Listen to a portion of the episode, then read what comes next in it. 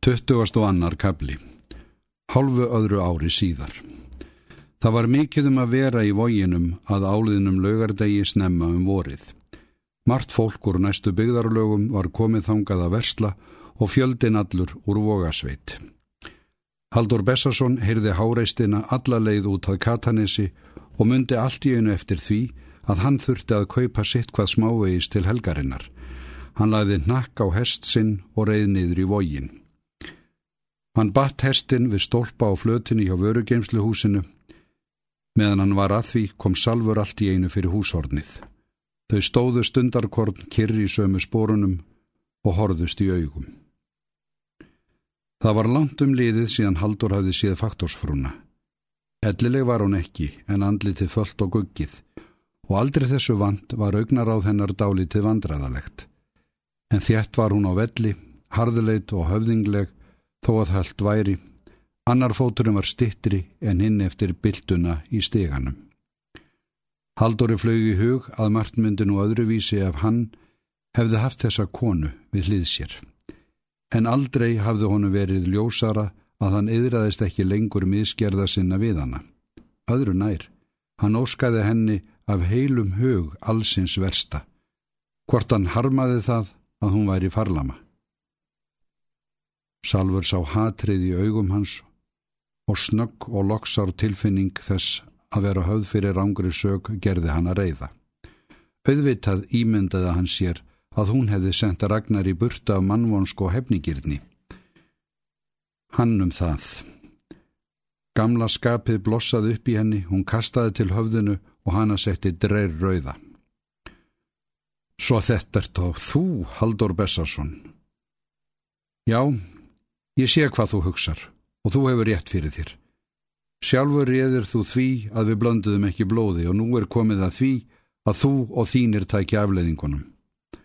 Hún þagnaði andartak en helt svo áfram, fastmælt og bitur. Þetta sem ég gerði minnir þig kannski á þá skömm og ógjafu sem þú ætlaði að leiða yfir mig. Hann stóð þarna jafn rólegur áður en glampi undir loðnum brúnunum og vipra við munnin myndi hann á þann haldur sem hún forðum gaf hönd sína á hjarta. Það er fallega gert að þér, Salfur, að minna mig á þetta. Það er þá ekki þér að kenna ef ég gleymi því. Það brá fyrir brosi í augum hans, þar sem hann stóð þarna á njánum frammi fyrir henni lótin og hærugrár, brosi sem iljaði hennum hjartarætur.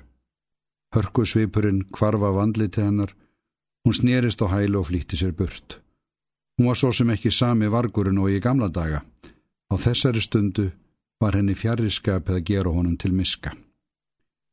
Hún létt fallast í hægjendastól upp í herbergi sínu. Nei, ekkert til miska, en nú hefði hún viljað vera honum góð. Mennirnir voru eins og í álugum. Hún hefði brotið heilanum þetta mörgum stundum en botnaði því minna í gátum tilverunar sem hún velti þeim meira fyrir sér. Smámunni leitu til miskilnings og ógæfu, menn kvöldu hver annan og höfðu versta því sjálfur. Nei, í þessum heimi gata aldrei öðruvísi orðið, en kannski var þó til veröld þar sem engum djöblum væri leifð inganga, en mennirni sægi gegnum allar blekkingar og fengju að lifa saman í sátt og samlendi. Að stuttri stundu liðinu þaut hún upp. Ó nei, hún skildi sannarlega ekki kenna í brjóstum Hann átti það ekki skilið og þurfti þess ekki með. Hann hlópar að henni og hældist um. Hann fann sjálfsagt að hatur hennar var uppgerð, vann honum ekkert megin. Vist hefði hún korsið að vera sterk og hörð, stælt og ósveianleg, hata hann heitt og innilega eins og nú á þessari stundu. Já, hatrið, gæti líka verið nöytn ekki síður en ástinn, bara ef þrekið og viljan vantað ekki. Faktorinn rak höfiðið inn úr dýrónum, hann var hress og gladur. Ég man bara ekki eftir annar eins ös, sagði hann brosandi og þerraði svitana feitu, fölu andlitinu. Og svo hefur fjöldin allur borgað út í hönd, fólk hefur peninga. Nú væri tækifærið að breyta til og hætta þessari gömlu vittleysu. Væri maður ungur, góða mín, ungur og áræðin. En nú kemur sonur okkar heim og tekur við, hann spjarar sig. Ætli kaffið sér til? Hún var staðin upp og orði brosandi á hann. Sónar okkar hafði sagt, hann var góður maður og hún fann íl góðmennsku hans. Var hægt að lítilsverða hann fyrir hana eins og stundum fyrrum, en erfitt er það fylgja honum til framandi lands eins og hann myndi sjálfsagt vilja þegar Ragnar tæki við vesluninni. Það var mikið um að vera þetta kvöld bæði í búðinni og úti við. Haldur Bessarsson satt uppi á búðarborði við hliðin á Jóni í Díavögg, þeir hafðu brennivísflöskuna á millisín og supu þegjandi á henni til skiptis. Öðru kvoru ringlaði í peningaskúfinu í borðinu fyrir aftan þá þegar einhver borgaði út í hönd en það voru mest unglingar og eldra fólk. Flestir hafðu peningana í horninu og vasaklútnum sínum, voru lengi að taka þó til og virtu vandlega fyrir sér hvert skilding áður en þeir letu hann af hendi. Kriplingurinn innan við búðarborðið var að afgreiða en vinnan lendi mest í kæftætti. Hann var orðin mjög fölur og guggin upp á síðkastið en þó meinlegri í orðum en okkur sinni fyrr. Augu hans speikluðu sér hver geðbriði og þegar Haldur stöulaðist inn búðargólfið ljómuðu þau að illkvittnislegri ánæju. Það leindi sér ekki að kriplingurinn glattist af því að sjá þennan gamla garp svona á sig komin. Þetta var ekki hvað síst ástæðan til þess að Haldur settist upp á búðarborðið. Hann ætlaði korki að fela sig nýja leina örkumlum sínum fyrir einum eða neinum. Kriplingurinn reytti í hann háðsirðum af og til en var þó ekki áleitnari við hann en aðra og Haldur bara hlóa þessu. Jón Jónsson let sem hann heyrði ekki eða sægir són sinn en hann settist við hliðan á Haldóri, rólegur og vörpulegur og bauður um að súpa á flöskunni. Jón var orðin holdgrannur og gráhærður, hann virtist ætla að bera aldurinn ídla. Fer ekki bráðum að vaksa skegg á þér haldur, saði kriplingurinn storkandi. Það er annars einkennilegt með þig sem færð orð fyrir að vera upp á kvennhandina að þú skulur vera snóðinn eins og kerling. Haldur brosti í kampin. Þeir höfðu líka ert hann með þessu í æsku að honum yks ekki skegg eins og öðrum. Hann klóraði sér í vangaskegginu og saup á flöskunni. Það var fallega gert af Jóni í díavöka setjast hjá honum og hér var líf og fjör í kvöld. Hannes gamli langbrók og kerling hans voru stöttarna, bæði orðin fjör gömul og rum. En Hannes var alltaf jafn kátur og lífsglaður og kerlingin var ekki síður hrifana honum nú en þegar Haldur sá þau fyrst.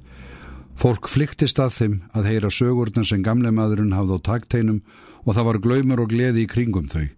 Kristófur Gamli hafði meira að segja drattast hinga þótt sjónlítill væri og heyrnarlaus en listugur var hann á brennivínið enþá og margir urðu til þess að gefa honum tár. Auk þess að hann sníkti nokkrar kekskökur og satt nú á kassa í miðri þögunni og miðlaði þær í sig.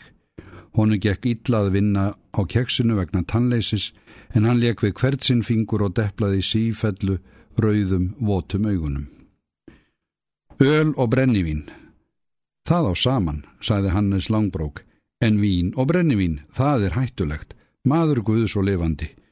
Ég þekkt einu sinni mann sem keipti kút af sætu, grænleitu vínu um borði franskri skútu, heldi því saman við brennivín og drakk sér slompaðan. Jú, hann var þjættur en hress og kátur þegar hann fór að sofa um kvöldið, já sem ég er lifandi maður. En morgunin eftir vaknaði hann steindauður í rúminu. Þegar komið var undir kvöld snaraðist Sölvi flakkari allt í unni inn í búðina. Nam staðar innan við dyrnar, nýtti til höfðinu, hátilegur og svip og hilsaði. Hér sé friður, góðir hálsar. Augnablík datt allt í dúna lokn og allra augu störð og sölva. Já, hver fjandin er þú þá komin, saði kriplingurinn. Hann var eitt með afgrusluna í svipin. Og nú hafðu hinnir ránkað við sér. Velkomin, Sölvi, kolluðu margir í einu. Hvernig gekk forrætningsferðin? Ertu búin að hitta Símoníu? Segð okkur nú eitthvað skemmtilegt. Meðan menn voru að hilsa flakkaranum, gefa honum í staupinu og skála við hann, greip Haldur flöskuna og saup á. En um leið og hann bar hann að vörunum, seildist hann annari hendinni inn fyrir búðarborðið og leit við hægt og gætilega. Hann hafði gripið utan um handleikin á kriplingnum og sá nú að pilturinn var með tvo stóra bankaseðla í lúkunni. Höndin var ekki komin um að halva leið upp úr peningakassanum. Þeir horðust í augu. Haldur, rannsakandi, spottskur, eins og á báðum áttum um hvað hann ætti að gera. Kriplingurinn náfölur og augu hans sortnuð af skelvingu.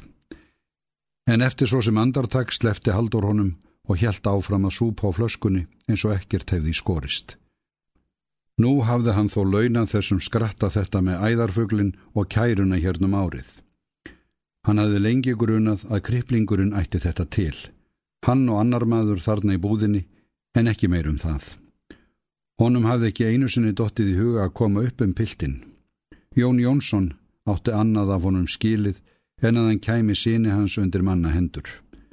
Hann rétti Jón í díavög flöskuna og klóraði sér í vangaskekkinu. Engin hafði orði var við þetta.